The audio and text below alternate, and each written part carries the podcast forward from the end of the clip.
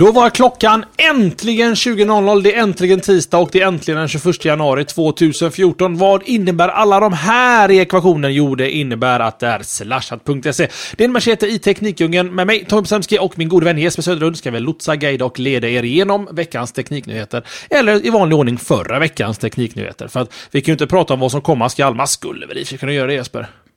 Ja, det, det, men det är det vi spånar om i eh, årsshowen framåt. Sen eh, därefter så rapporterar vi om sånt som hänt en till sju dagar bakåt. Ibland äldre när du hittar så riktigt, riktigt, riktigt gamla Google-ämnen som eh, smyger sig längst upp i din RSS-läsare eller what not.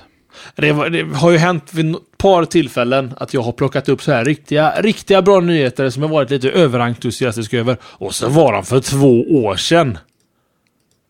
Men det är ju nytt för dig. Ja, det, det var ju faktiskt det. Och någonstans upplever jag ändå som att det... Jag vet inte, nu försöker jag bara försvara något som hände för det var ju ett, några år sedan jag gjorde det i Jesper också.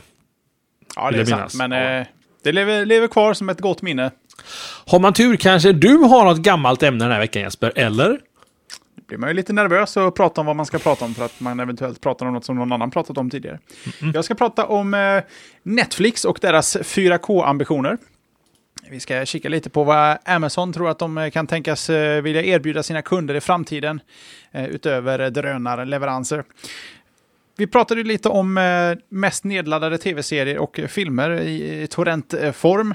Vi glömde ju naturligtvis den stora Eh, mest nedladdade alla kategorier torrenten ska vi också prata lite om vad det kan tänkas vara. Och så har vi en, en liten rolig historia som har med OS att göra och eh, en viss del teknik.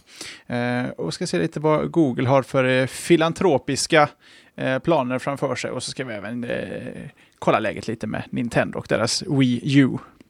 Hmm. Lite orolig för sista ämnet där. Jag ska tala om, lite, inte, så, inte så konstiga ämnen, men inte så vanliga Tommy-ämnen. Eller så har jag det. Jo, har jag nog precis vanliga Tommy-ämnen. Jo, men det har jag.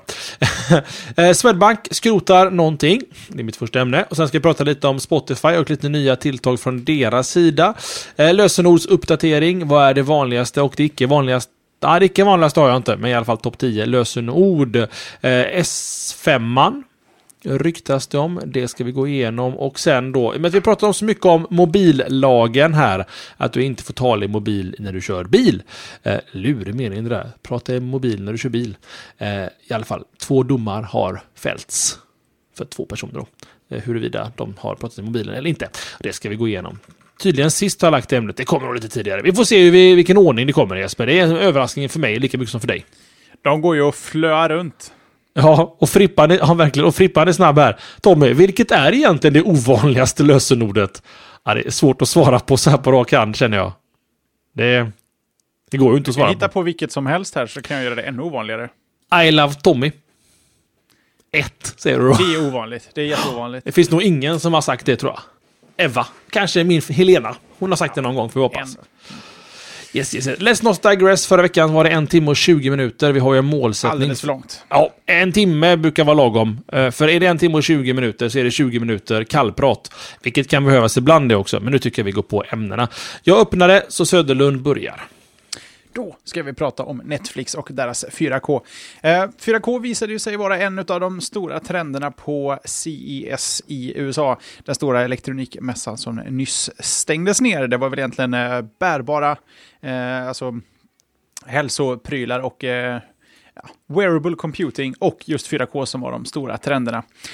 Och eh, vi hade ju en fråga också på det här. Det visade ju sig att våra lyssnare, ni lyssnare, var lite, lite sådär reserverade ni tror att 4K kan bli något. Eh, vissa var lite... Eh, majoriteten var reserverade och så hade vi en liten eh, eh klunga som tyckte att det, kommer, det är det bästa sen skivat bröd och så en som inte alls eh, trodde på det.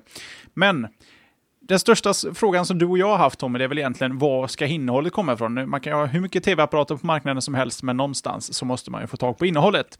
Och Netflix var ju tidigt ute och meddelat att de kommer att erbjuda 4K-material och nu har de då eh, börjat testa just 4K-material eh, i form av, eller under deras namn som då blir Ultra HD.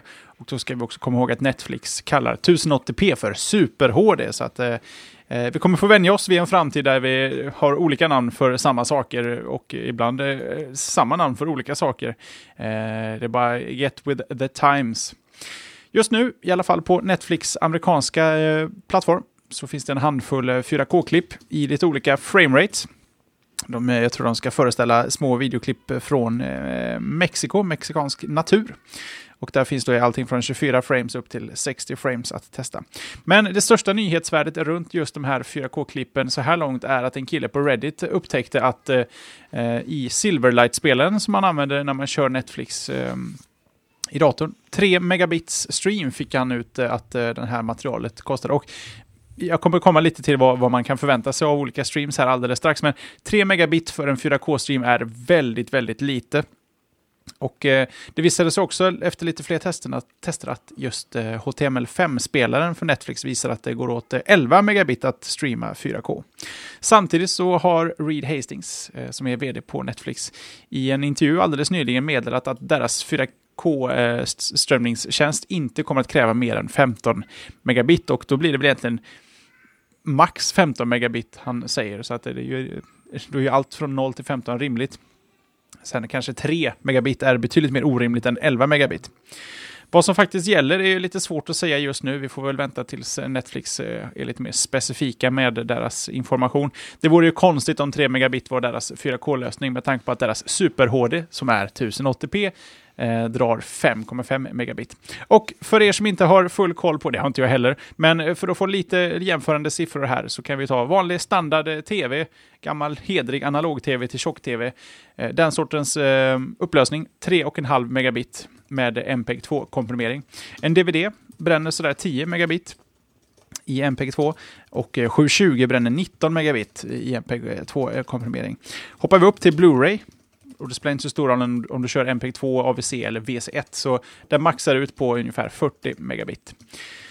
Och om man då vill ha en jämförande siffra för 4K så kan man då kika på till exempel Sonys 4K-kamera F5 SS... nej, F5S FSM. Alltså jag har ett typsnitt här som är 5 S är alldeles för lika. Jag får kika lite närmare. Ett F55. Den filmar 4K i lite nätta 2 gigabit per sekund. Nu är det i och för sig okomprimerat, men det har det i alla fall en jämförelse att, eh, att dra.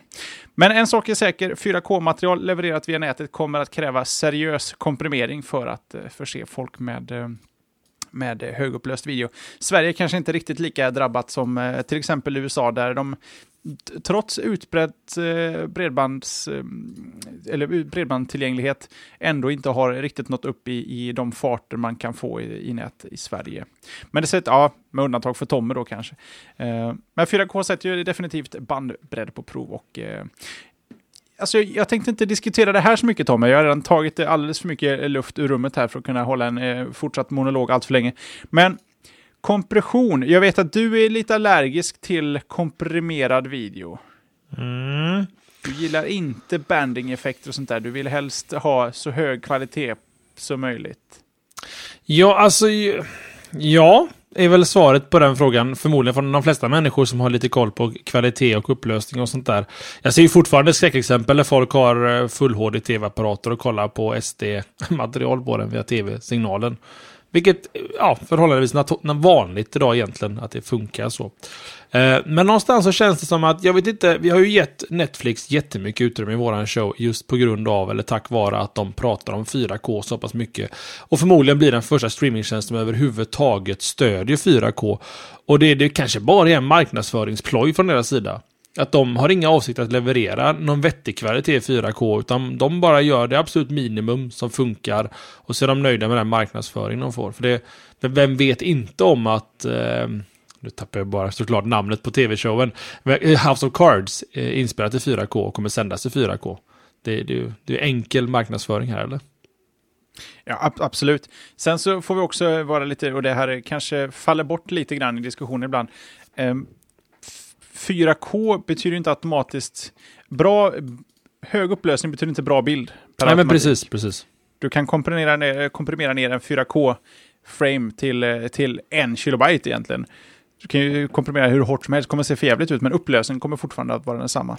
Så att det, men det känns lite som vi får vänja oss vid att kompromissa lite med, med kvaliteten. Lite, för att ja. kunna få den streamad idag. För vi är inte så sugna på att köpa fysisk media där, det, där man kan vara lite mer flexibel. Nej men verkligen. Och sen också, det blir ju samma åsikt här som jag har just med 4K-tv-apparater. Och det är just det att behövs det just nu i tv-sammanhang? Ja, mitt argument vi pratade om det för två veckor sedan var ju att 4K känns väldigt relevant på en, en dataskärm eller en monitor som du sitter och arbetar vid ungefär en halv meter ifrån. Då finns det all poäng i världen med en 4K-monitor. Men en, en tv-apparat som har som är 47 tum till exempel och som är 4K eller 1080p. Det tror inte många bryr sig om den, den skillnaden. Sen ska jag säga att jag har inte upplevt 4K mer än jag sett det på mässor och sånt där. Jag kanske inte har sett en film med 4K hemma i soffan. Det kanske är en, en fantastisk upplevelse, men då ska nog det matas från en annan källa än Netflix över ett skakigt internet kanske. Kan tycka. Det finns ju någon sorts uträkning för hur nära man måste sitta en hur stor tv för att kunna se skillnad på 720p och eh, 1080p. Där kan vi ju se om det finns någon lyssnare i chatten just nu som känner sig manad att se hur stor tv och hur nära den behöver man sitta för att liksom kunna se skillnad på 4K och 1080p. Så får vi se om någon nappar på det. Det kanske är eh, helt vansinniga siffror och eh, helt, alltså sitta skitnära på en jättestor tv och, som inte alls funkar i ett vardagsrum. Vad vet jag. Men Mm. Vi kanske ska uh, hålla oss lite, lite reserverade ändå.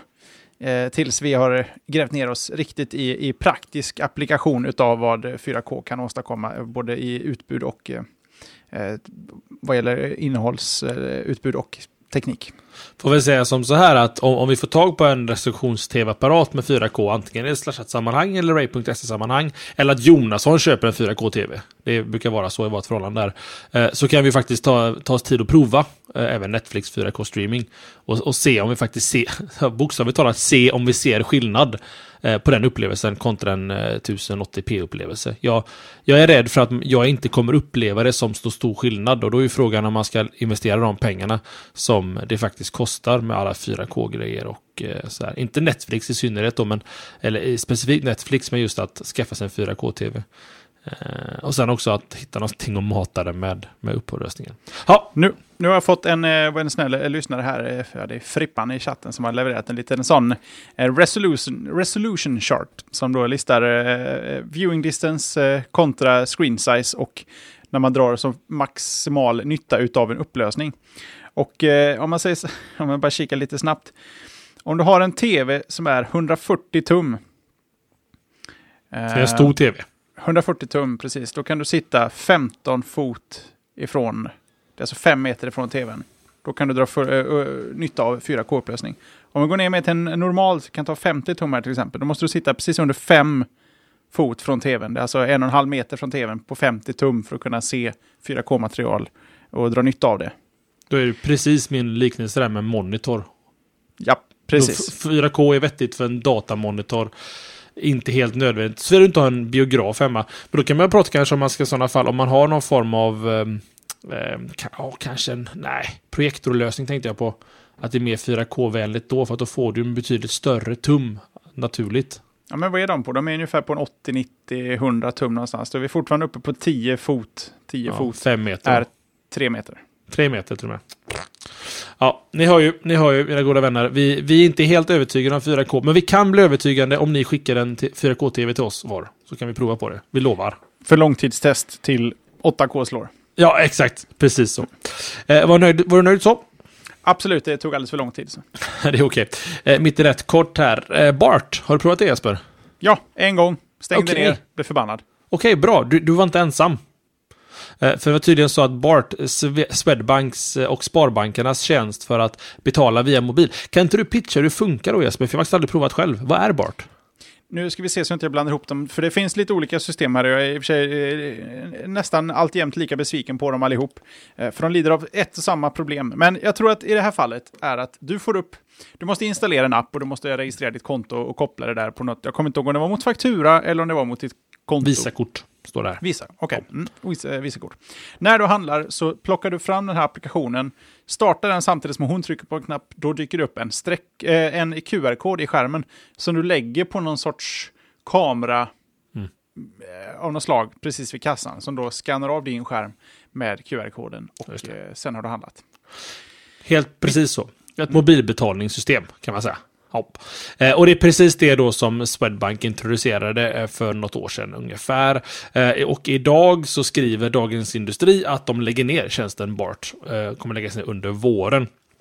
Och mycket riktigt så, eh, så confirmar, för att stressa upp alla er svenskar som hatar att prata sväng, svengelska. Jag har en i eh, chatt, eller en i forumet som har gjort den ännu värre. Jag kan återkomma till det sen. Okej. Okay. Eh, I alla fall, Swedbanks presschef säger också då, Anna Sundblad för övrigt, att det stämmer att vi kommer att avveckla BART under våren 2014. Vidare säger Carl Molinero, som jag inte har skrivit vad han är på, på Swedbank, men han skriver också, vi har inte nått den volym som vi har önskat. Det är en bidragande faktor. Det handlar både, på, handlar både om handlarsidan likväl som konsumentsidan. Ehm, och eh, Tack Jesper, chef på mobila betalningar var vår vän Karl. Eh, och det handlar då om att dels så har detaljhandeln, handeln generellt, inte velat ha den här lösningen, eller inte velat betala för den eller implementera den, likaväl som konsumenterna inte velat använda den. Eh, Axfood som bland annat äger Hemköp, Willys och Prisextra, var den enskilt största aktören som använde just BART och de här affärerna. Um, Enligt Axfoods presschef Ingmar Kron så finns den här utrustningen på ungefär 350-400 av koncernens butiker. Och det var väl i någon av de här butikerna du provade, eller? Det var i en eh, Hemköp. Oh, så att läggs ner eh, ögonaböj, kanske kan man säga, under våren.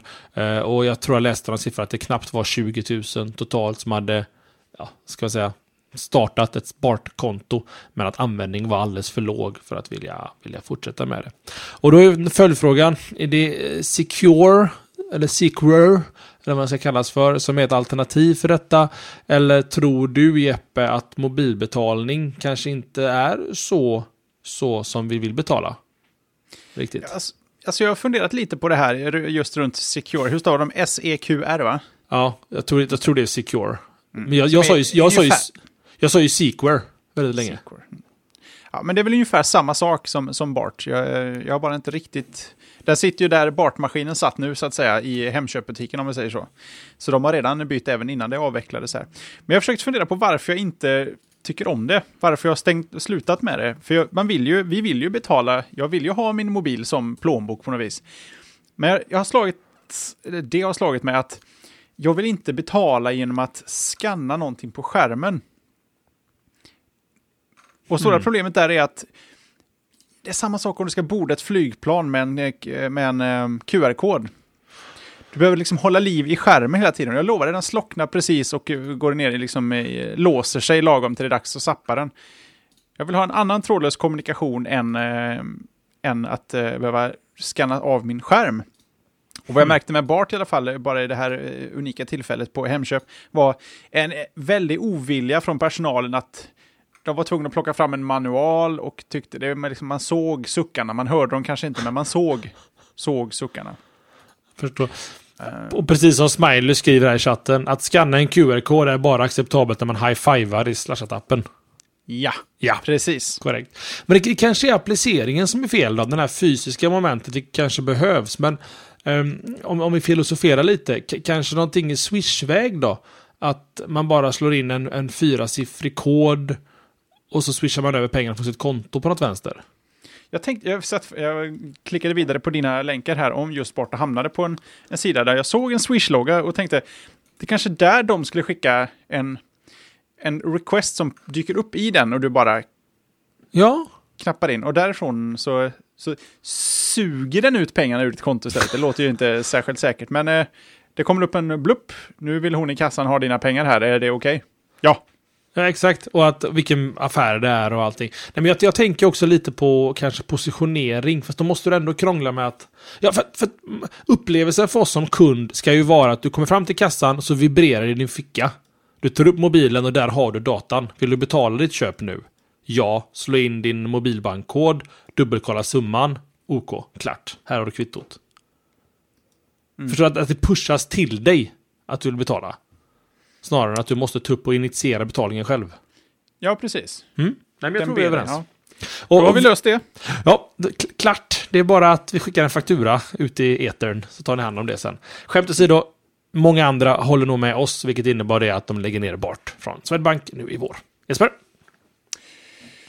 Då ska vi se, då ska vi prata lite om Amazon tänkte jag. Nu ska jag bara scrolla i mina alldeles för långa show notes. Jo, eh, Amazon, de fortsätter att spåna in i framtiden, eller inte in i framtiden så mycket som om hur framtiden i alla fall för Amazon kommer att se ut. Det är ju inte många månader sedan vi pratade om att de eh, ser en framtid där de levererar gods väldigt snabbt med en drönare som flyger till din dörr, eh, landar lite snyggt, släpper paketet och drar därifrån. Jag fick för mig, eller vill minnas, att de skulle lyckas med det där inom en halvtimme eller en timme från det att jag hade beställt.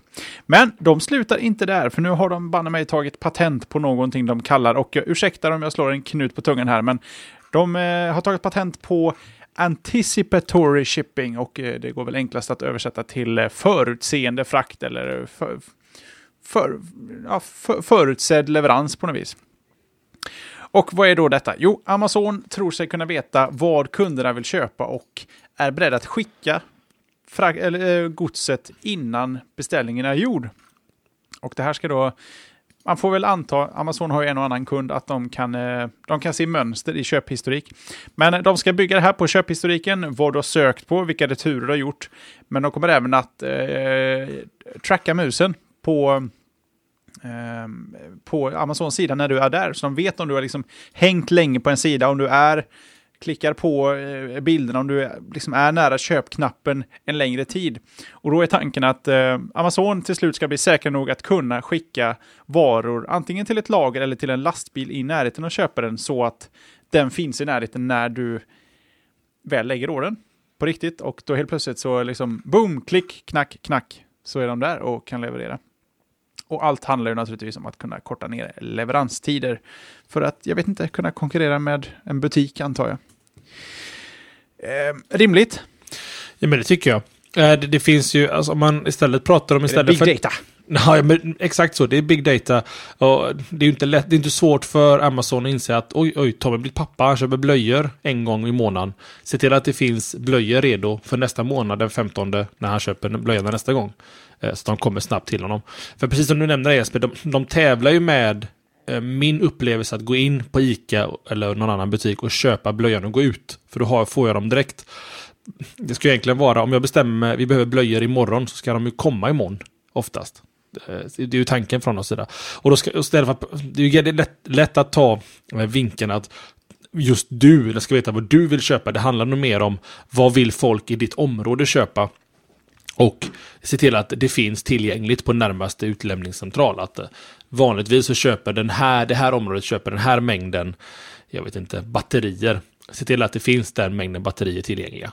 Och det är väl egentligen vanlig inventory tracking som de flesta butiker har. att Säljer du mycket av en viss grej så kommer man liksom, ja, de har det på lager. Men jag tycker det är kul och det, det är ju det här som som mångt och mycket onlinehandeln har brottats med, med leveranstider. En lösning är det som NetOnNet har gjort, och det är att det är gratis leverans mot att det tar fem dagar. För att då, då kommer det till slut och då blir det ju gratis och man kan se det som att det, ja klart du får ju inte det om du jämför med ICA. Ja, jag tycker det är kul i alla fall att de tänker i andra banor än normalbanor så att säga. Amazon.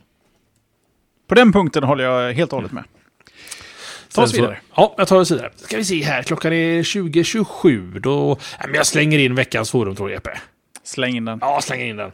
Eh, Gubbkeps i forumet har en frågeställning. Frågeställningen är Teldus Tellstick behöver lite hjälp på traven.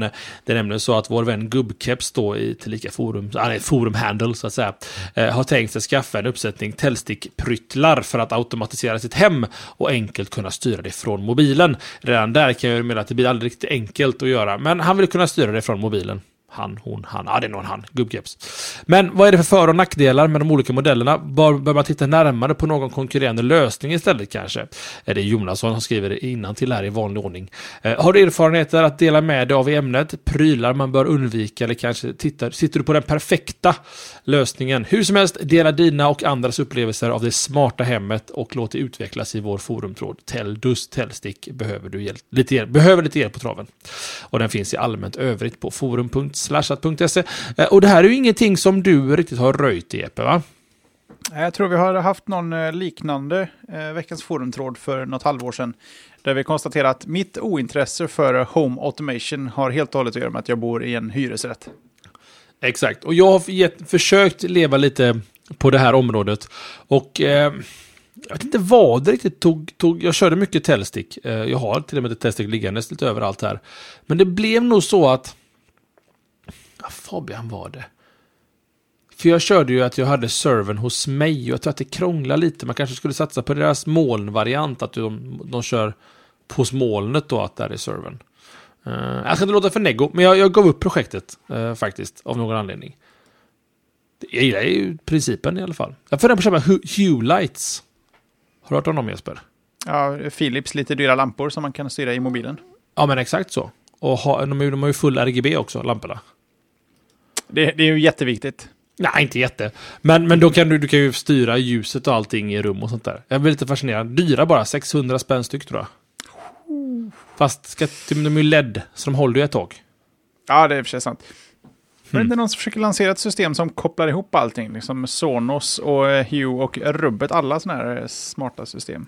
Jag är rädd för det att många smarta system vill ju bara vara smarta i sin egen lilla ankdamm. Att de kanske inte är helt öppna med API och sånt där. Det finns ju en risk med det. Nej, ja, det är ju sant. Du vet, förstår mig. Ja, i alla fall. Har du åsikter, funderingar, kanske du kan hjälpa till och hjälpa gubbkeps i allmänhet med alla andra i synnerhet. Så, eh, vad bakvänt. Så välkommen till forum.slashat.se. Kostar gratis att skapa konto, så är man med i Slashat-appen samtidigt Jesper.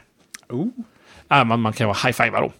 Ja, just det. Borde egentligen följa upp det här hur det går med high-fivandet där ute. I allmänheten. Ja, det är du som sitter på MySQL-databasen. Det är du som borde kunna ja. se om, vi, om det high-fivas något. Ja, men det gör det. Det gör det, kan jag säga. Ska vi se då, gå vidare och då blir det jag igen. Snart kan du köpa artisters prylar på Spotify. Det är nämligen som så här att Spotify har öppnat upp för möjligheten att, för artister att sälja mer än bara musik på just Spotify. Eh, nu kan alla kreatörer även kränga till exempel t-shirts, muggar, fysiska skivor, affischer och andra saker som har med artisten att göra. Eh, det kostar gratis för dig, Jesper, som artist, att mm. sälja på Spotify.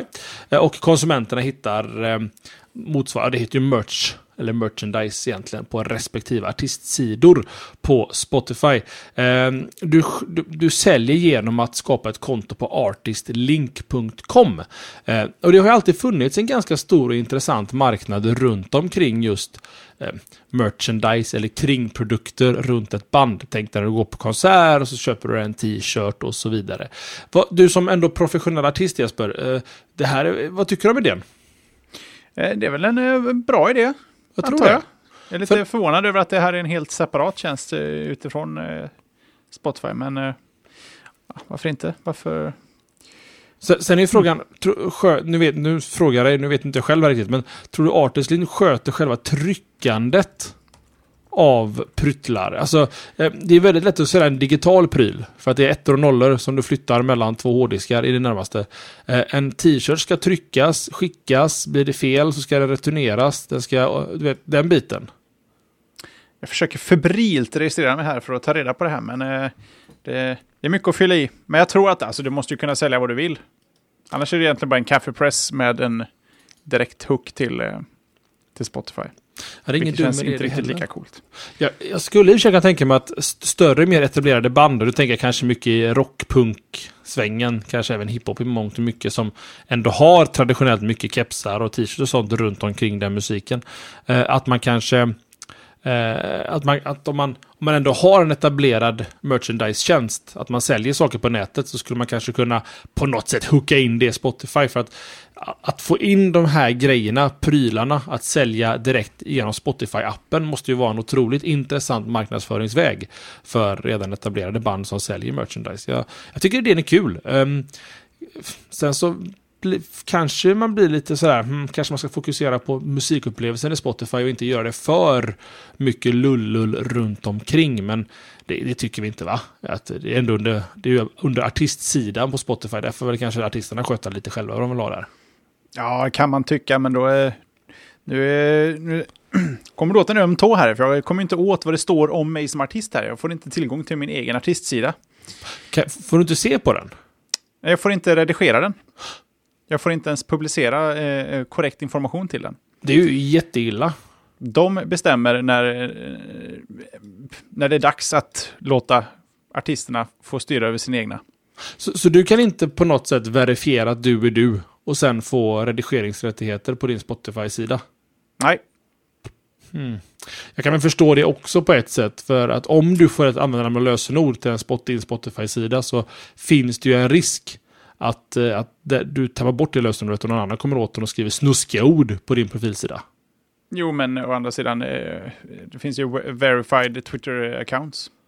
Ja, det är sant. Riktiga artister, då ska, ju inte, då ska ju inte ha ett konto någonstans egentligen. Jo, men fast jag menar på det att på Twitter så förstår man ju att det är du som skriver på Twitter ett meddelande. Medan en artistsida på Spotify är någonting som Spotify har gjort och ansvarar för.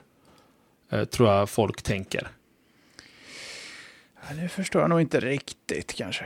Mm. Ja, min tanke mm. var i alla fall att de, de vill nog inte ta den risken att, att ge externa parter för mycket kontroll över vad som står på Spotify som en app, kan jag tänka mig. Att, att det är något sånt tänk.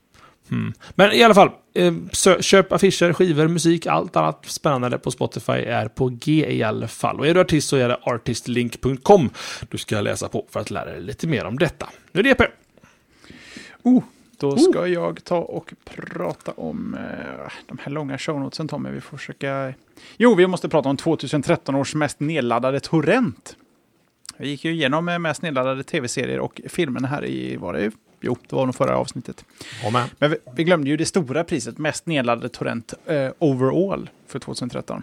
Men, tro det eller ej, det var en helt legal torrent och då är det inte Linux-distros, Tommy, som vi brukar ladda ner du och jag. Mm. Utan eh, en eh, legal torrent via BitTorrents eh, lagliga musiktjänst Bundle. Den lagliga torrenten innehöll eh, låtar från Mobis studioalbum med Innocent.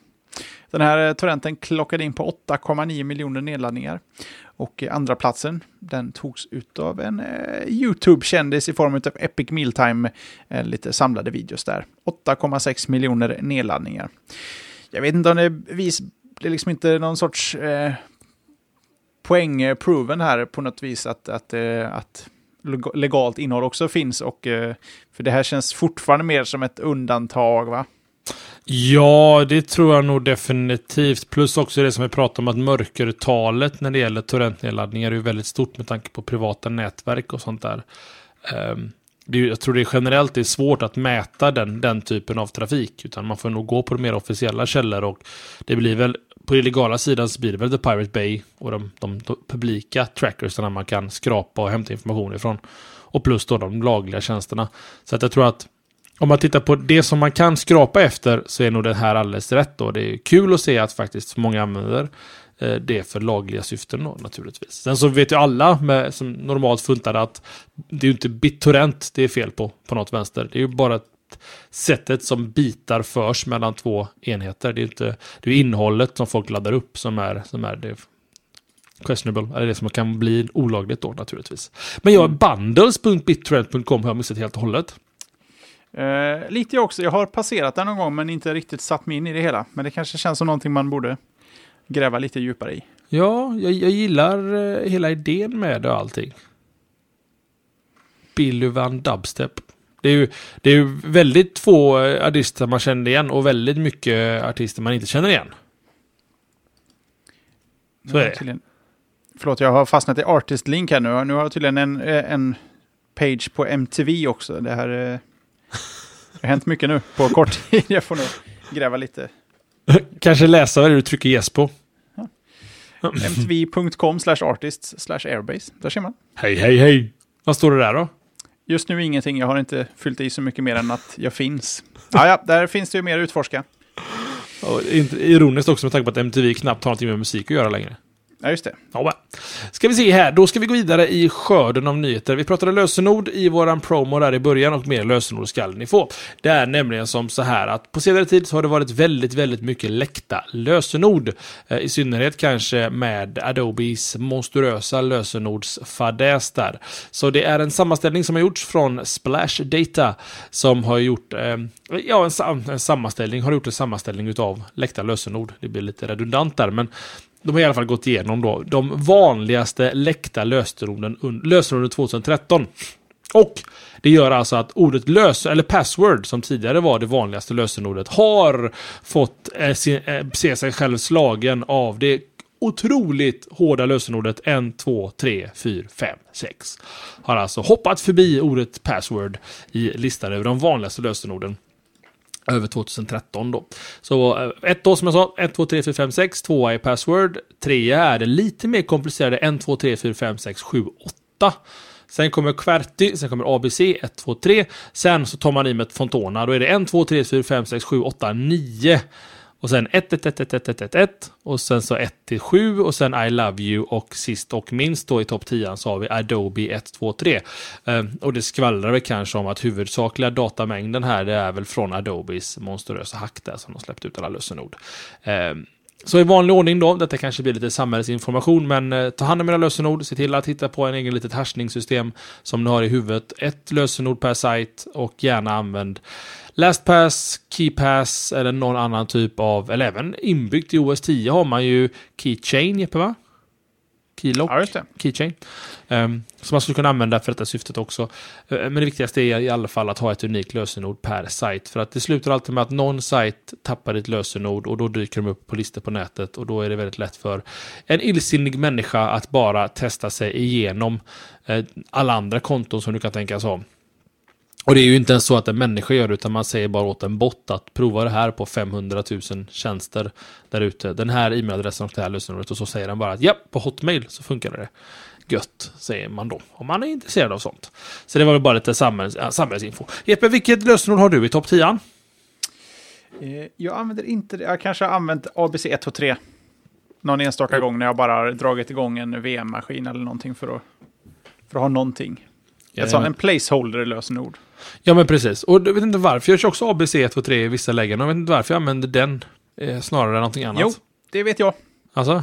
För att den gör att du alltid kommer runt där att om du i vissa fall så krävs det ett eh, med bokstäver och siffror. Och behövs det en stor bokstav kan du alltid ta ett stort A, B, C mm. och 1 och 3. Så har du eh, täckt in det mesta utan med ett konstigt tecken egentligen. Och det är lite kort kanske? Sex karaktärer?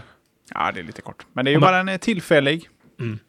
Och, och, precis som jag pratade med någon om på jobbet här, eh, och, för nyligen, och det var just det att, att man, man, behöver inte ha ett speciellt komplicerat lösenord idag. Du behöver inte ha stora och små bokstäver, siffror, eh, utropstecken, frågetecken och massa krångliga grejer. En vanlig mening räcker oftast gott och väl för att göra det säkert. Eh, som till exempel, jag är född 1980. Är ett riktigt okej okay lösenord. För det är så pass långt, innehåller lite siffror och det är någonting som är lätt att komma ihåg. Eller att jag heter Tommy och är född 1980. Det är någonting som också är jättelätt att komma ihåg. Lite rörigt kanske att skriva på mobiltelefon, men ett bra lösenord så att säga. Eh, men som vi sa innan där, det är viktigt att ni har ett lösenord per sajt. Det låter som en dum grej att, ja men orka bryr sig. Ja, men man vet aldrig. Det kan finnas en poäng. Att, att ha ett lösenord per sajt. Mm.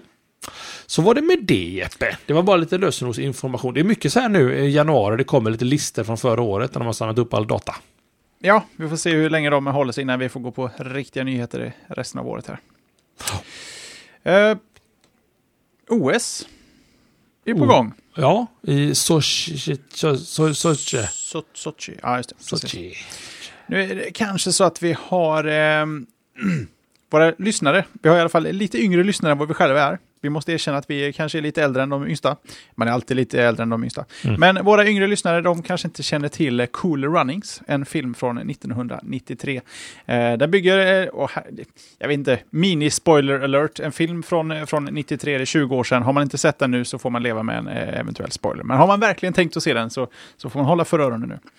Den bygger i alla fall på, ja, den bygger löst på den sanna historien om fyra jamaikaners längtan att få tävla i vinter-OS i Calgary 1988 genom att starta ett eget bobsledlag.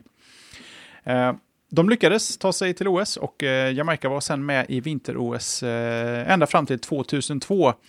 Men de har då sedan Winston Watts, det var föraren för det här teamet, eh, när han lämnade truppen och gått. Han gick i pension och då eh, sedan dess så har de inte kvalificerat sig. Förrän nu. För nu är eh, Winston Watts tillbaka som lagkapten och han har lyckats kvalificera laget till just OS i Sochi. Men de behöver pengar för att kunna delta. Han har chippat in rätt bra med pengar själv, men de behöver pengar för att ta sig hela vägen dit och få tävla. Och hur skaffar sig en underdog pengar idag? Jo, crowdfunding naturligtvis. Det börjar med att de drog igång en eh, Indiegogo-kampanj. Och för er som inte känner till Indiegogo så är det ungefär som Kickstarter, eller Funded by Me, den svenska. Eh, just nu ligger de på runt 40 000 dollar. De behöver cirka 80 000 dollar för att kunna delta. Och det är då utöver de 160 000 som Winston själv har investerat bara i att uh, kunna kvalificera. Nätet uh, vet vi ju sedan tidigare gillar den här sortens tilltag och den här gången så kommer kryptovalutan och kanske bitcoins närmaste konkurrent Dogecoin Foundation. Dougecoin. Ja, så är det så. Ja. jag har bara sett att det är en Dog, på den. Dog kan också vara, men det är inte Doggy. Jag kan berätta om det sen. Kör vidare, förlåt mig. Jag ska inte avbryta. Ja, sorry. Det är ju en hund på laget. All right. Ja. Ja, jag, jag tar det. Eh, what, what Tommy said, Foundation, kom till undsättning. De eh, satte igång en insamling och har på ett par dagar samlat in motsvarande 30 000 dollar. Eh, vilket eh, jag tror de... Ska vi se, jag hade växlingskurs. Nej, jag bryr mig inte så mycket om växlingskursen riktigt än. De har i alla fall samlat på sig en eh, anmärkningsvärd pengar. Men nu är det bråttom. Nu är det bara i talande stund 38 timmar kvar. Så vi får eh, se om det, de får den här sista lilla skvätten pengar här innan eh, tiden går ut för kampanjen. För underdogs, Tommy, de rotar man för. Un Underdogs, underdogs, underdouches. Inte lika roligt för dig som för mig kanske. Less commonly doggy. Ah. Okay. Jag ska make it more commonly. det är sant. Um, det finns olika aspekter på den här storyn. Ett, det är skitkul med Cool Runnings 2 in the making, känns det som här va? Ja, lite så. på något vänster. Uh, och sen också det att kryptovalutan uh, Dog, Doggy, Douche, Dog, vad, vad, man ska ut, eller do, ja, vad det nu kan uttalas, eller hur det uttalas. Det är en sån här rolig grej Jesper, där vi inte riktigt har kontakt med den nya generationen internetanvändare här va? Det är lite svårt. Det är lite det tufft. Det känns inte alls rätt, speciellt inte när man gör en podcast om eh, teknik heller. Nej, det, det, känns lite, lite jobbigt. Men, men den här memen har verkligen exploderat och det är väl en, en jag tror det är någon, förmodligen 4chan eller Reddit som har skapat den här grejen. Och det är helt enkelt en gullig hund som säger roliga saker. So score, what you doing och sånt där. Wow, och jag vet. Jag, jag fattar den inte. Jag, jag är helt enkelt för, eh, det är en Shiba-hund tror jag. Skitsamma. Eh, och de har skapat en kryptovaluta. Vi pratade om det förra veckan. Var det inte Coin, Coinje? Coins. Co Coinje, ja just det. Precis. Och eh, Cashdashians. Eh, Eh, och det är samma sak där, att det finns egentligen en öppen, en öppen standard för att bygga egna kryptovalutor. Eh, men den här av någon anledning har hittat lite, eh, ja, lite, lite luft i alla fall under vingarna. Jag tror att du får 0,00025 dollar per douche eller Dogecoin just nu. Så att det är väl inte så att du kan... Fast det är en sån här grej som den, den, den ger inte upp, den slut, man slutar inte höra om den här kryptovalutan. Så det kanske är så att kanske når en, en dollar till slut per coin. Och är det så att du är, hänger med tidigt här nu och minar lite Doogie eller Dogecoin så kanske du kan få en slant till slut. Vad vet jag, jag kan inte engagera mig i kryptovalutor. Men kul i alla fall att de engagerade sig och donerade så pass mycket pengar faktiskt. Att de kom, fick iväg de här goda gubbarna från Jamaica. Att de får åka lite bobsleigh. Och det är ju lite roligt. Det är ju samma som när Jamaica skickar skidåkare. Det är ju tufft att träna på hemmaplan tänker jag. Ja, alltså det finns väl ett klipp på någon eh, slalomåkare. Eh, oh.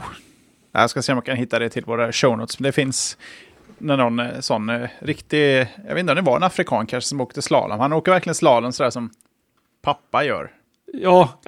lite, lite stelt zigzackande ner. Liksom. Ja men precis, eller, eller som jag åker slalom ungefär. Och det, eh, det, det är roligt faktiskt. Hela, hela grejen. Men, och framförallt, kul för grabbarna att de kom iväg till Sochi. Kanske, det är inte klart än. Alltså var det inte klart? Jag fick för mig att det inte. var... Är du säker på detta? De har ju fått fanningen. Det är ju, det gick de ut på Twitter idag tror jag. Och skrev att it's done. Ja, Jag går ner på längst ner på din artikel och då står det Update. The Do- Dogecoin Foundation has joined bla bla bla bla. Uh, nej. Jag fick för mig att... Okej, skitsamma. Jag fick för mig att det var klart. Någonstans på Twitter jag läste om att det var, de hade klarat det. Men det kan också vara jag som... De kanske klarade kvalifikationen då. Att de... Kanske var det kan det ha varit. Kan ha varit. Har du fel så får du donera resten. Ja, precis. För, för att ta den smällen helt enkelt. Eh, då ska vi se här, då ska vi gå vidare från jamaicanska bobsleigh-åkare hela vägen till Samsung Galaxy S5. Eh, det är nämligen sajten sammobile.com tror jag, som går ut med informationen. Och de är lite tuffa i hatten. De säger att det här är, det är bekräftat det de skriver om vad Samsung Galaxy S5 kommer att vara. Men man ska nog hålla lite i hatten tills eh, Samsung själva säger vad Galaxy S5 är för något. Följande information är i alla fall enligt Sam Mobile confirmed, men det är det inte. Som sagt var. Ehm, um, S5 kommer antagligen komma i både ett plasthölje och ett metallhölje. Eh, alltså själva chassit då på telefonen. Eh, metallet, metallen kommer gå på ungefär 800 euro i grundversion och eh, Eh, plastversionen kommer ha ett grundpris på 650. Så att det är, ju- bara där är det intressant att de faktiskt låter konsumenten välja om man vill ha en premium premium finish på sin mobil, det vill säga metall som är lite mer iPhoneigt så att säga. Eller om man känner att det där bara är meningslöst för mitt syfte, jag vill hellre ha plast och då får du den lite billigare. Intressant i alla fall. Eh, skärmen sägs vara en AMOLED på 2560 x 1440 pixlar. Blir det 4K då Jesper? Nej, det blir det inte. Vad, är, vad ligger 4K på? Ja, då måste du ju upp på det dubbla, eh, dubbla full HD. Det är alltså Ja. fyra 4000 gånger 2000. Ah, ja, ja, just det. Ja. Det, är, det är 2K kan man säga. Ja. Ish. Det är två, två, två, och en halv- två och en halv ish. Ish. Ja. Ett par K för, i alla fall. Bra skärm. En av, en av standardupplösningarna på 27-tums skärmar kan man säga. Ja, just det. Det har du helt rätt. Och det är helt sjukt att det är en mobiltelefon. Det är den här upplösningen, egentligen. Helt onödigt. Om vi, du kanske vill prata färdigt innan jag... Ja, vi kan- gå in på det alldeles, alldeles strax. Eh, upplös, eh, tummen, alltså själva skärmytan, sägs vara på 5,25 tum. Så det är en ganska eh, häftig mobil, alltså, om man säger så. En rejäl en. Eh, kameran ska enligt ryktena då vara på 16 megapixlar. Ehm, och eh, om det är någon bildstabilisator i botten, det vet man inte än i alla fall. Men det kan man nästan räkna med att det kommer att vara. Eh, processorn blir en Exynos 6 eller en Snapdragon 805. Lite beroende på om LT används och i vilken marknad den säljs. Eh, att den kör Android 4.4 KitKat sägs också vara en självklarhet. Sam Mobile tror att S5 presenteras i mars eh, och kommer att lanseras någon gång i april enligt deras källa då. Nu kan vi prata upplösningar Jesper. Det är höga upplösningar på de här skärmarna. Ja, det är ju, alltså, rent tekniskt så är det ju imponerande. På alla sätt och vis att man kan få ner så, så små pixlar. Så tätt att det fungerar. Men eh, jag tror att det... Och, det tar alltid emot att nämna Gruber för att det känns som att jag alltid springer med hans, eh, med hans eh, budskap så att säga. Men jag tror att det var i någon av hans podcasts så sa han att eh, Retina Fine, det går, och det går liksom att, att öka på upplösningen, alltså, eller pixel per inch, eh, lite till. Men någonstans så känns det idag att vi har nått en, en nivå som är... Härifrån händer det inte så mycket mer. Du ser, det ser inte bättre ut helt enkelt. Det kostar bara mer batteri. Mm. Och jag tycker vi har passerat den gränsen. Nu kommer jag inte ihåg exakt vad en iPhone har i. Men eh, vad kan den här ha för, för pixeldensitet? Den är, ju- det är ju helt sjukt i alla fall. Det är ju långt över 400. Och... Eh, jag förstår inte. Batteri. Vi vill ha batteri. Då ska man hitta den bästa balansen mellan Epic och eh, Epic bat batteri och Epic eh, skärm. Absolut, och jag tror det var Siavash, eh, vår gode vän borta på Ray.se, som skrev en krönika just om det. Att han hoppas på, eller om det var André, ah, skitsamma. Eh, att de hoppas på att eh, 2014 blir året med batteri i fokus. Och det är väl det vi egentligen har eh, mässat om ganska länge här i showen. Att eh, dra gärna bort farten, hälften av all fart eh, från telefonen och upplösningen bara man får längre batteritid. Jag tror att det finns en marknad här, kanske synnerligt då för Android med tanke på att det är lite mer mer utvecklare eller mer tillverkare som gör Android-telefoner. Att bygga en telefon som är helt och hållet byggt för batteritid. Att den har lägre upplösning, slöare processor, eh, större batteri och ändå har en vettig formfaktor som säger att det här är mobilen som du klarar dig på i, ja, gud förbjude, tre dagar, men i alla fall två dagar utan att behöva Eh, att behöva stressa med laddning. Och det gäller ju alla plattformar egentligen att smartphones drar batteri och speciellt när skärmen är igång och det har man ju i dagens samhälle så är ju skärmen igång i det närmaste hela tiden. Eh, jag är osäker på om Apple, tror det är på att Apple har ett fokus på batterier eh, med tanke på att det är lättare för flera tillverkare att någon bestämmer sig för att hitta den nischen. Apple är ju ensam tillverkare av sina telefoner. Jag tror att, tror att batteritid står högt upp på agendan hos Tim Cook. Den står inte högst upp, det tror jag inte, men den är säkert eh, ganska högt upp. Sen ser jag inte det lilla en lekman som jag kan eh, läsa på om det här att ingen, ingen batterirevolution verkar ligga nära förestående. Och det enda jag kan hoppas på är väl i så fall att, eh, att iPhone blir lite större och ger rum för ett lite större batteri. Mm. Mm. Just nu är det enda jag har att hoppas på. Jupp, jupp, jupp, jupp, jupp. Och jag var egentligen klar så. Jag vill också bara säga att uh, våra vänner jamaikanerna i bobsleiten ville ha 80 000 dollar och har med en dag kvar av sin crowdsourcing-grej där fått in eh, 1,2 miljoner. Nej, uh, 126 000 dollar. Nästan det dubbla då. Mot vad de vill ha. Vilket motsvarar i runda svängar en miljon svenska kronor. Så att de har ju klarat det med råge. Då har vi löst det. Jag måste se om jag kan hitta den informationen också någonstans. Crowdtilt.com slash. Det finns i show notes, eller i chatten där också. Att de har klarat sig. Jag läste på Twitter också någonstans att eh, de hade fått med det. Ska vi se här då, då är det du Jesper. Eh, är det så? Ja, men mm -hmm. det är det ju. Mm -hmm. eh, då ska jag prata lite snabbt om Google. De är, ligger ju verkligen inte på, på latsidan. De har nyligen presenterat att de arbetar med en smart kontaktlins. Man skulle kanske kunna tro att det handlar om en eh, ny version eller en framtida version av Google Glass, men icke. Det här är mer av ett medicinskt syfte.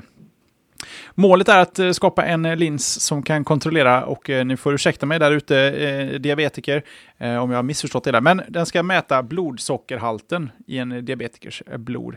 Det finns, eh, om jag har förstått det hela rätt, inget sätt idag att göra det på annat sätt än att eh, det pickar sig i fingret eller ja, på något sätt tappa sig själv på blod och eh, mäta det. Och det här behöver då göras flera gånger om dagen. Eh, med andra ord så är det ganska angeläget att kunna mäta blodsockret i, i, i Googles fall här i, i, nästan realtid, hoppas de kunna åstadkomma. Men utan att du ska behöva eh, dra blod varje gång du, du ska mäta det här. Linsen ska då kunna mäta ditt blodsocker eh, en gång i sekunden och kunna då förvarna när det är dags att eh, gör någonting åt det. Jag vet inte, det får väl inte vara för högt och det får inte vara för lågt. Så att, eh, det ska väl justeras hela tiden. Linsen är naturligtvis bara i sin linda så här långt. Och eh, det betyder också att det är en ganska lång bit från verklighet. Men det ser i alla fall lovande ut baserat på det de har eh, åstadkommit så här långt. Och för den som undrar hur man mäter blodsockerhalt i, eh, med en lins i ögat så verkar det som att man på något sätt kan få fram den informationen via eh, tårkanalerna, alltså eh, vätskan i ögat. Eh, men det är också lite över min skill level. Men det är, i alla fall, det ser lovande ut och det kan innebära ganska så stor skillnad då för eh, diabetiker. Och eh, diabetes är då den sjukdom som ökar allra mest i världen. 370 miljoner människor har det idag och om 20 år så räknas det öka till 438 miljoner. Bara i Sverige räknades eh, finnas 600 000 diabeter, diabetiker till eh, år 2030. Och det är ju kul Tommy att se att Google jobbar lite mot eh, filantropi av en nivå. Inte bara, eh, visst det är ju en teknisk utmaning här, men också en världsförbättrande utmaning. Och fler signaler till Google. inte inte ja, för vara... Ska, inte, ska inte utesluta det, men å andra sidan om, om de inte kan få, ett, få, få Google Glass att se mindre suspicious ut så tror jag inte att den där tekniken finns riktigt i en lins än. Nej, men, men just det där att, att den här på något, säger Tommy nu också såklart, Fjorion, och tycker det var roligt att jag är emot Google här. Men, men alltså, det är ju filantropi på ett sätt och det är ju jättekul att man använder kommersiella medel för att hjälpa människor som har en sjukdom eller, eller någon form av handikapp, om man kan kalla diabetes för handikapp. Att man har diabetes helt enkelt. Det är, det är kul att se kommersiella intressen och egentligen filantropiska intressen mötas mitt emellan här. Men det handlar ju mycket om att Google vill vill att den här på något sätt ska mäta blodsockret, och sen skicka tillbaka upp det till någon webbservice, ja, till exempel Googles egna webbservice. Och så har du diabetes.google.com och så kan de räkna ut vilka som har diabetes och så kan de på enklare sätt sälja diabetesmedicin till dig via reklam. Cynisk? Nej, det är ju lite Googles business. Och andra sidan, jag såg också, eh, jag vet att Gig, äh, på Gigom var lite skeptisk till att det här är en, en rikemanslösning för ett fattigmansproblem då diabetes oftast är orsakat av eh, dåliga matvanor och i, speciellt i USA så är dåliga matvanor ofta ett, ett, ett tecken på att man eh, har det tufft ekonomiskt och att den här lösningen inte alls kommer gagna eh, den, de som behöver det allra mest. Jag kan väl tycka att det är en lite tråkig inställning i det här fallet. Det handlar ändå om att hjälpa folk som är sjuka och eh, någonstans så måste någon ta en kostnad för att göra den första dyra utvecklingsfasen. Sen att det, rika alltid haft tillgång till dyra saker först, så, så är det. Men eh, någon måste ju börja någonstans. I bästa fall så kanske de gör two for one-princip här. Att om du, om du köper... OLPC... Ja, men exakt. Om jag köper ett par linser så kommer ett par doneras, eller jag betalar för säg dubbla priset då kan man säga och ett par skickas till någon mer behövande i tredje världen eller något sånt där. Det här har jag tyckt varit ett jättebra initiativ. Lite beroende på vad kostnaden är naturligtvis för linserna till att börja med. Men jag tycker det är kul i alla fall att man kan applicera teknik på att hjälpa människor medicinskt. Det tycker jag är superviktigt. Och jag tror att det är någonting vi kommer se mer av framöver. Inte bara att Google utan även andra företag kommer att engagera sig just i den biten. För att hålla koll på oss Jesper. Tror jag med. Och eh, nu är vi nästan på timmen här Tommy, så nu får vi nog börja öka. Ja, men jag har mitt sista ämne här. Jag lovar att prata lite om eh, de två domarna som har fällts just angående mobilprat i bilen. Ehm, det är en 37-årig man och en 53-årig kvinna som har fått en påföljd på 1500 kronor i böter respektive då för att ha pratat i mobil under bilkörning. Då pratar vi alltså inte om att man har bara pratat i mobilen utan man har gjort en förseelse egentligen och att de har fått eh, böter då för förseelsen kan man väl säga egentligen. I mannens fall så vinglade bilen på vägen då han försökte ta fram sin mobiltelefon och det har väl vi alla gjort någon gång att man man böjer sig ner och så hänger handen med som håller i ratten och så ja, svävar bilen lite åt höger i färdriktningen eller åt vänster. Ja, oftast höger då med tanke på att man drar sig åt höger. Jag och Jeppe har aldrig gjort detta naturligtvis. Naturligtvis. Vi föregår ju alltid med ja. bästa möjliga exempel. Absolut. Men jag kan tänka mig att någon av er som lyssnar har säkert råkat göra det. Det kommer kosta dig 1500 kronor om en polis ser dig ha det beteendet. I kvinnans fall så menade poliserna som såg händelsen att hon i en sväng kom över i mötande körfält där en mötande bilist tvingades att stanna för att inte kollidera med kvinnan samtidigt som hon pratar i mobiltelefon. Eh, och det handlar ju alltså om att polisen måste uppmärksamma eller se dig prata i mobilen samtidigt som du begår då det här, vad ska man kalla det för, eh, förseelsen i trafiken. Eh, så man kan väl tänka sig att om man pratar i headset så borde man väl komma lite mer undan för det är nog svårt för en polis att kunna bevisa att men du pratar ju i headsetet. Man vet ju inte om man sitter och pratar med sig själv eller om man bara har en, en hörlur i för att ifall det skulle ringa. Men sitter du bokstavligt talat med mobilen till örat och, och kör med en hand och håller en kopp kaffe, du vet, då, då kommer polisen stoppa dig om du gör det minsta lilla fel. Men jag tror inte de kommer att stoppa dig för att, du, för att du pratar och kör i mobilen. Utan du måste göra en annan förseelse. Som jag tolkar det, men min, min, min, min lagliga kunskap är ju exakt noll i det här avseendet. Eh, och vi har nämnt innan då att den nya lagen börjar gälla 1 december 2013. Och har kritiserats högt och lågt även av oss för att den är lite otydlig. Det står ju inverkar menligt på framförandet av fordonet. Eh, det kan max ge 4 000 kronor i böter och som vi har nämnt tidigare så har 15 personer redan hunnit bli åtalade då, men inte fått sina straff på grund av detta. Så att, men var smarta bara. prata, rör inte mobilen när ni kör. Få ett sms eller ett WhatsApp eller vad det nu kan vara. Läs det när ni kommer fram eller stanna bilen och läs det. Försök inte köra och läsa meddelanden samtidigt. Jag, jag har ju en Pebble för det syftet att kunna i alla fall få en uppfattning om vad det är som stod i meddelandet. För att bara att låsa upp låsskärmen på telefonen är ju egentligen en handling man inte borde göra. Körandes i en bil i 110 km i timmen på motorväg. Det var bara smarta. Och det är bra att lagen finns där, kan jag tycka. Även om den är lite otydlig. Tycker du också det Jesper? Tycker jag. Bra. Då är vi överens där. Vi behöver inte ens diskutera detta. Vi har pratat om det så mycket. Det har vi faktiskt. Eh, Jesper? Ja, jag har en kortis här också. Jag nämnde det i början och då ska vi bara snabbt avhandla att eh, Nintendos högste chef, han har i ett års tid varit helt säker på att Nintendo kommer generera sådär en miljon, förlåt, en miljard dollar i vinst eh, trots Wii U's lite dåliga försäljning. Men nu, eh, nu får han ge sig, nu, nu kommer kallduschen. Det blir ju inte så, det är väl ingen egentligen som är förvånad. Nintendo förväntar nu själva att de kommer att tappa 300 36 miljoner dollar i omsättning och 240 miljoner dollar eh, i, kommer vara i ren förlust. De skär också ner ordentligt i prognoserna för hur eh, Wii U kommer att sälja. Från 9 miljoner förväntat ner till eh, 2,8 miljoner endast. Det är en sänkning med 69 procent. Och för att få lite perspektiv på saker och ting här, Wii U som nu funnits på marknaden i sådär ett år, sålde under första halvåret på, på marknaden endast 460 000 exemplar. Och det kan man då jämföra med Xbox One till exempel som sålde 3 miljoner första månaden och eh, PS4 som sålde 4,2 miljoner eh, första månaden. Eh, ja, vad, Tommy, vad, mm. vi behöver inte prata så mycket om det här, men vi tänker förra generationen, då kom ju liksom Nintendo lite från sidan så, men udda kon konsol och eh, tog hem hela, liksom, eh, de mjuka värdena. Här har vi en, en rolig konsol. konsol liksom. Det var ju den som gick bäst under ganska lång tid. Men Wii U, det är ju eh, fullständigt katastrofal eh, pannkaka. Ja, alltså det, det sjuka är att jag har ju fortfarande inte förstått vad en Wii U är. Och vad den gör. Är det är, kanske bara problemet? Är, är det en handhållen konsol? Nej, det, det är ju också en handhållen konsol. Det är ju alltså, en kontroll som du kan ta med dig och spela, fortsätta spelen med. Hmm. Men eh, framför konsolen så är kontrollen en delaktighet i spelet på konsolen. Om jag förstått det rätt. Vi kanske ja. har någon lyssnare med Wii U, jag är skeptisk, men de får gärna... Vi kanske ska ta och sätta... Vi kanske ska prova en Wii U. Men jag tror det är som är problemet, och sen så vet jag inte vad det är, men det känns inte som de här titlarna eller titlarna som några säger, eh, finns tillgängliga på Wii U. Det finns, om man, om man inte, om man har tappat Zelda-intresset som jag har gjort, så, så är det inte så mycket att hämta egentligen i Nintendo-världen.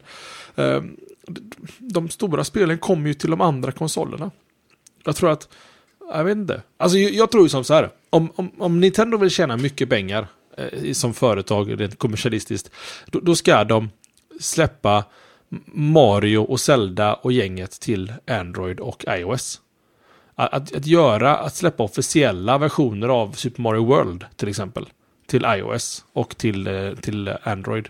Och speciellt kanske till Android, eh, framförallt också iOS nu när det kommer mycket kontroller och allting och hitta en ny inkomstkälla via mobila marknaden. Kanske till och med göra något liknande som in-app purchase-modeller istället. Kanske låta spelen vara gratis och du köper till värdar eller någonting. För att få en ny generation att hitta de här egentligen skatterna i mina ögon som de här spelen var. Och då pratar jag alltså om äldre spelen, säg Super Nintendo-eran att konvertera de spelen. För det är inte omöjligt att göra på något sätt.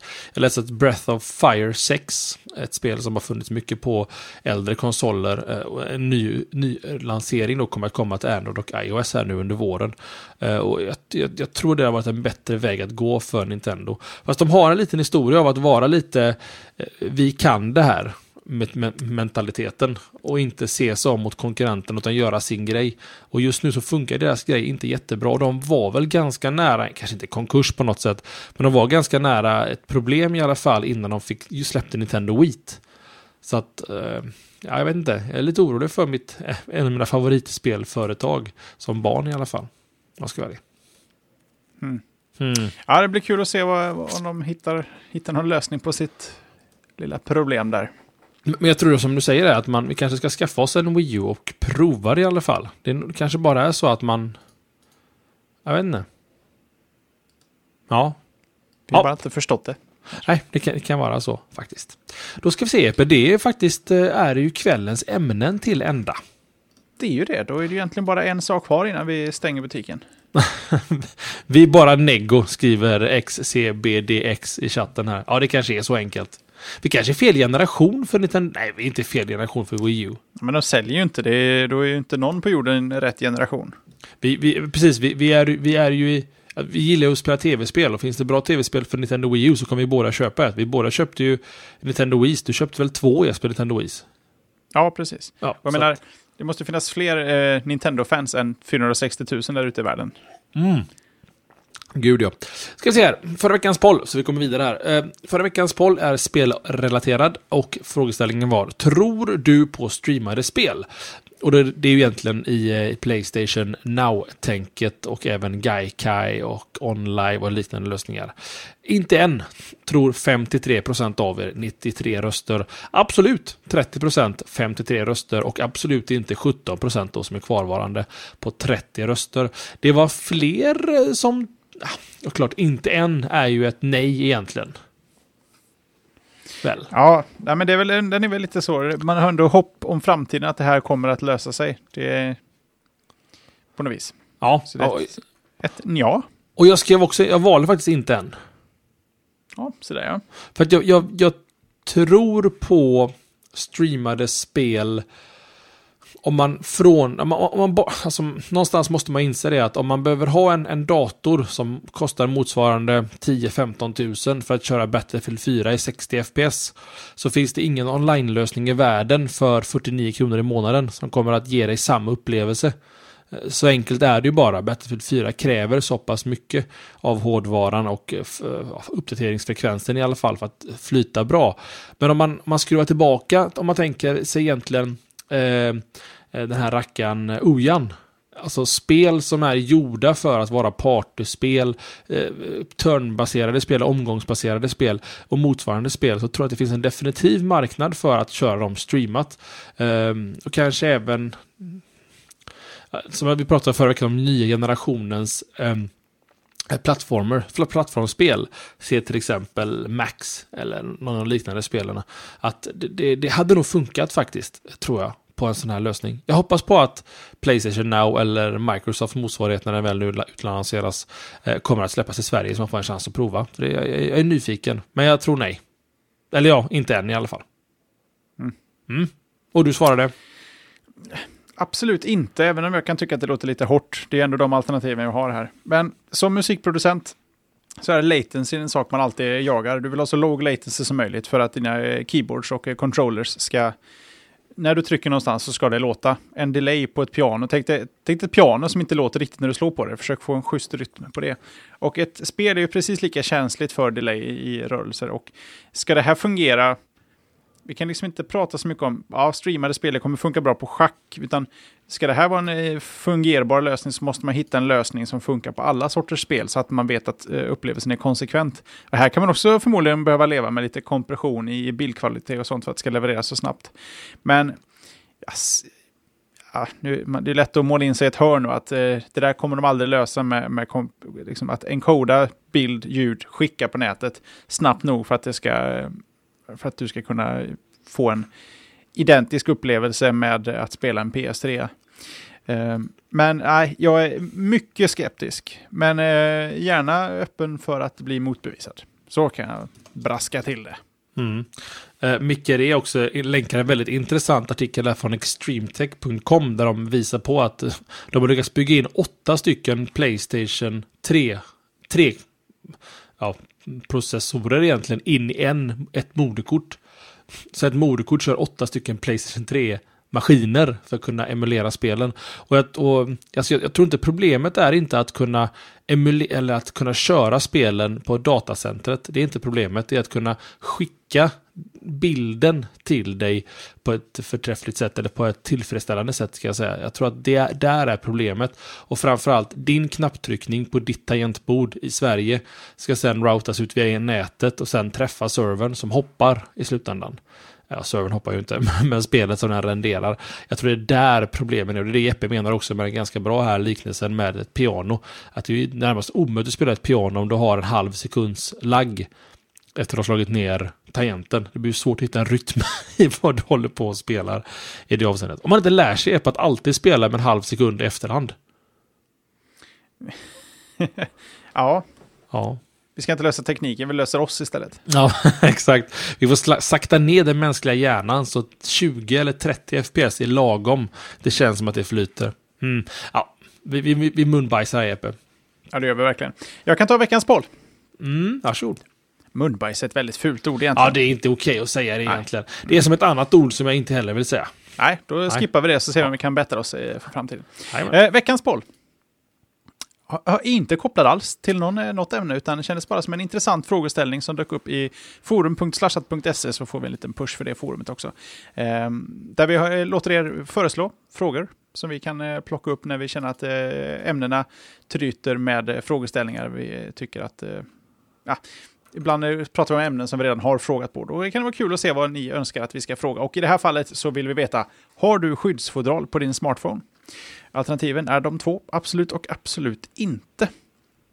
Så jag, jag har en väldigt rolig historia om, om mitt svar här. Och eh, det finns en lite större diskussion runt det här än att bara ja, jag har skydd, nej, jag har skydd. Um, men det tar vi då nästa vecka. Mm. Och chatten har enats om munbabbel är bättre. Munbabbel är bra. Ja. Eller ja, det tycker jag också är bättre. Alla, allt är bättre än det jag sa i alla fall. Läppfladder, nej det låter inte heller bra. Nej, det kan tolkas som någonting helt ja, annat. Det, ja, det är inget bra. Nej, en munbabbel. I like munbabbel. it. I like it. Så, det, det konkluderar, för att eh, späda på den här eh, hatet mot mig när det gäller engelska och svenska, eh, avsnitt 253 i ordningen. Nästa vecka har ni 254 och eh, ja, vi har inte mycket mer att säga på va? Jag kan väl passa på, jag tycker att vi kanske nämner det lite väl sällan, men det finns faktiskt en slashat-app. Ja, både för Android och för iPhone. Så tar jag det till eh, er eh, butik eh, of choice och eh, plocka ner. Och eh, börja high-fivea. Och vet ni inte vad det är så får ni ta reda på det. Det syns i appen. Där kan man även följa oss eh, live och eh, lyssna på gamla avsnitt och se vilka vi kufar bakom slashat är egentligen. Sen kan vi också pusha lite snabbt för forum.slashat.se där vi diskuterar saker veckan runt. Och nu har du försökt chippa efter andan för att säga någonting här en bra stund Tommy. Jag hör dig. Vad är det du vill? Eh, jag vill också understryka det att är det så att du kanske vill lära dig att koda eller koda redan nu både iOS och Android så är de här apparna, slashat-apparna eller slapparna, slash-apparna, eh, de är open source båda två och finns på github.com slashat eh, om ni bara vill se källkoden som ligger bakom de här apparna om ni vill lära lite mer eller bara få lite inspiration till ett eget projekt eller bara klona och sätta igång det på din egen telefon och sen ändra så alla har mustasch i appen eller någonting. Vi tar gladligen emot push requests då via GitHub om ni vill eh, förbättra någon kod som vi kanske inte har. För ingen är ju ofelbar och i synnerhet inte när det gäller kodning. Man kan, det finns alltid någon som kan förbättra din kod lite på något sätt. Eller kanske vill piffa till ikonerna lite eller vill styla om lite. Ni är välkomna att göra vad ni vill. Eh, vill du göra för Android så är det Android Studio som gäller, inte Eclipse. Det kan vara ett kul kanske projekt för er att komma igång med Android Studio också. Och för iOS är det såklart Xcode som gäller. Och vi har försökt vara duktiga när det gäller dependencies, som det heter i kodvärldar. Den har väldigt lite beroenden till andra bibliotek, de här apparna. Och allting finns ju såklart då med i själva paketen. Så det är bara att hoppa igång och prova lite. Forumet finns om ni behöver lite hjälp att komma igång och så vidare. Till och med en dedikerad sektion av EP, va? För det här syftet. Det bör vi ha. Den heter Slashat... Det är lite din, med ditt område än mitt område så att säga. Ska vi se här. Slashat.se apputveckling heter hela faktiskt forumavdelningen. Och där då finns både iOS och Android och den buggrapporter. Om du har några problem. Så välkomna in och tuffa på där och lek runt i godan ro. Det är Jesper, nu får det räcka. Nu får det banne med räcka. Så ses vi här om en vecka. Då kör vi en gång till igen. Ha det så gott. Bye bye. Hej hej.